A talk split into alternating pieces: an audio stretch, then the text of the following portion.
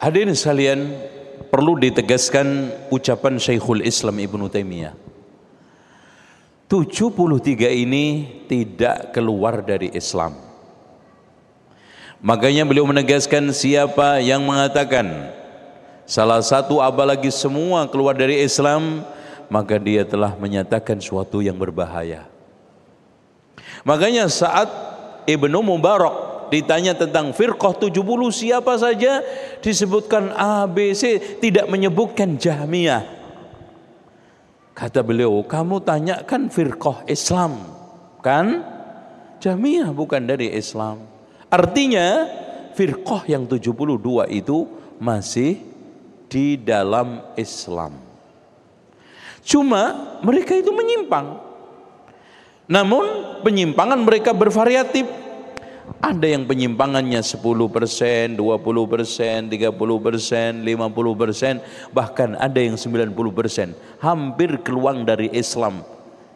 Terutama yang telah dinyatakan oleh para ulama yang sudah keluar dari Islam karena mengikuti Ismailiyah, Nusairiyah, terus dan beberapa firqah lain. Hasyashin, Hasyashin juga banyak di antara para ulama mengeluarkan. Tapi secara umum dikatakan oleh Syekhul Islam Ibn Taimiyah firqah 73 yang 72 sesat yang satunya selamat itu bukan keluar dari Islam 70 ini. Nah, kalau memang begitu di sini Allah dan Rasulnya lebih banyak menjelaskan sifat daripada orang berorang. Artinya siapa saja yang sekarang ini ada pada dirinya sifat-sifat Jahmiyah, maka dia ada dalam termasuk firqah Jahmiyah. Siapa yang sifat-sifatnya ada pada dirinya Khawarij, maka dia lebih dekat dengan Khawarij dan seterusnya. Namun siapa yang sifat-sifatnya itu lebih dekat dengan ahli sunnah firqatun najiyah, maka dia termasuk wahidah yang selamat itu. Nah, sekarang menghukumin orang per orang. Ya kita lihat dulu karena penyimpangan yang ada pada diri seseorang itu ada yang beda tingkatannya syirik kufur. Ada yang bid'ah, ada yang fasik, ada yang dosa besar, dosa kecil. Tapi secara umum begini Pak. Ahli bid'ah itu tokoh yang mengajak, mendakwahkan, membuat atau berbuat bid'ah. Membuat atau berbuat. Berbuat itu maksudnya dia sama tadi. Melakukan kebid'ahan yang istidlal membenarkan kebid'ahan tersebut menggunakan dalil. Walaupun dia bukan tingkatannya itu ulama umpamanya, tapi dia membenarkan dalil itu eh, membenarkan bid'ah itu dengan cara berdalil itu juga masuk. Sehingga untuk menyatakan ahli bid'ah, untuk menyatakan si fulan itu tokoh bid'ah tidak mudah Makanya Rasulullah itu ketika menjelaskan bid'ah lebih banyak kepada perbuatannya daripada tokohnya. Lihat aja. Fa inna kulla muhdasatin bid'ah fa inna kulla bid'atin dhalalah wa kulla dhalalatin finnar. Perbuatannya kan? Rasul enggak menyebutkan pelakunya kan? Begitu juga di dalam banyak hadis Rasulullah SAW. Nah, soal masalah perdukunan kalau antum tanya dukun, Dukun itu sebetulnya bertingkat-tingkat Pak. Ada yang menggunakan ilmu sampai dia itu kufur. Contoh, ada dukun. Prakteknya itu dengan cara sambil junub menjadikan Quran sebagai sandal, masuk WC sambil ee. Itu ada. Jelas kufur. Ada lagi Quran didudukin. Didudukin begini sambil baca mantranya. Itu. Ada yang sekarang ini dia selalu melazimkan dalam keadaan junub terus, nggak mau mandi. Ada. Ada yang mencampur ayat-ayat tertentu digunting-gunting, dimasukkan ke dalam darah head, kemudian dicampur dengan katok dalam perempuan. Tuh ada. Bahkan maaf ini ibu-ibu sekedar saran kalau buang softtek yang ada darah headnya hati-hati, membuang rambut juga hati-hati, membuang BH bekas juga hati-hati, membuang katok bekas dalam juga hati-hati, karena ini alat-alat media sihir paling cospleng. Loh, paling cospleng. Rambut perempuan diambil. Rasulullah disihir pakai apa? Nah itu Rasul loh pak. Terus anak tambah lagi foto. Nah, foto. Foto itu paling paling apa ya? strategis untuk menghipnotis, untuk memelet. Melet tahu nggak melet? Bukan, bukan ya? Apa? Apa? Di apa? Di pelet ya. Hmm, itu. Supaya kandil. Dulu ketika saya dulu masih belajar ilmu-ilmu gituan, paling eh, nyaman itu belajar pelet itu. Pelet itu macam-macam. Ada idqala Yusufu li abihi ya abati ini ra'aitu ahda asyara kawkaba wa syamsa wal qamara ra'aitum li sajidin ketika li sajidin enggak napas dibaca 70 kali.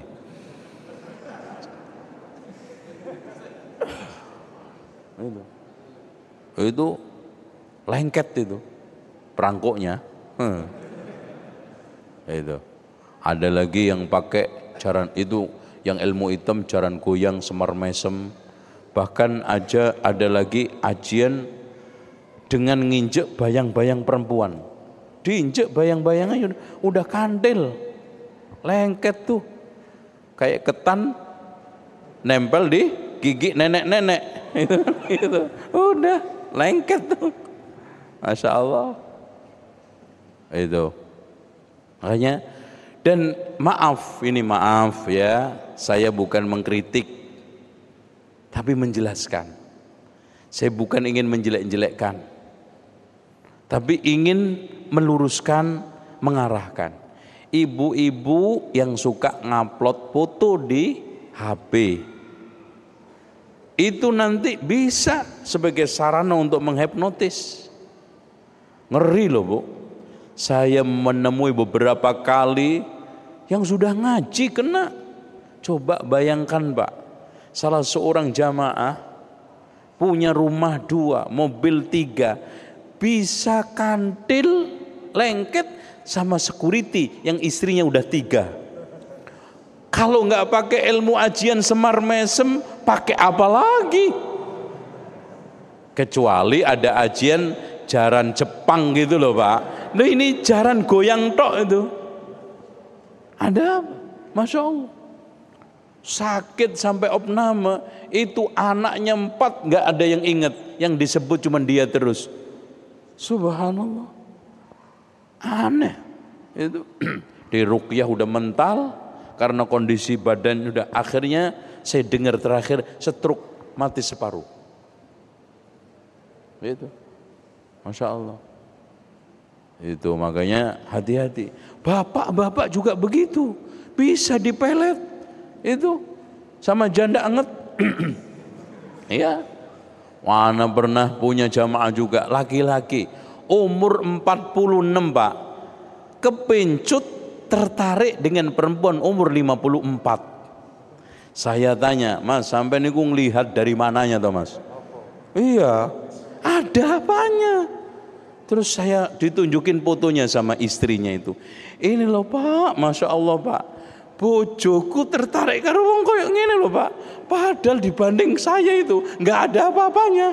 Sampai ya jelek Mbak. itu. Sampai nggak pernah dandan gitu loh Pak. Itu.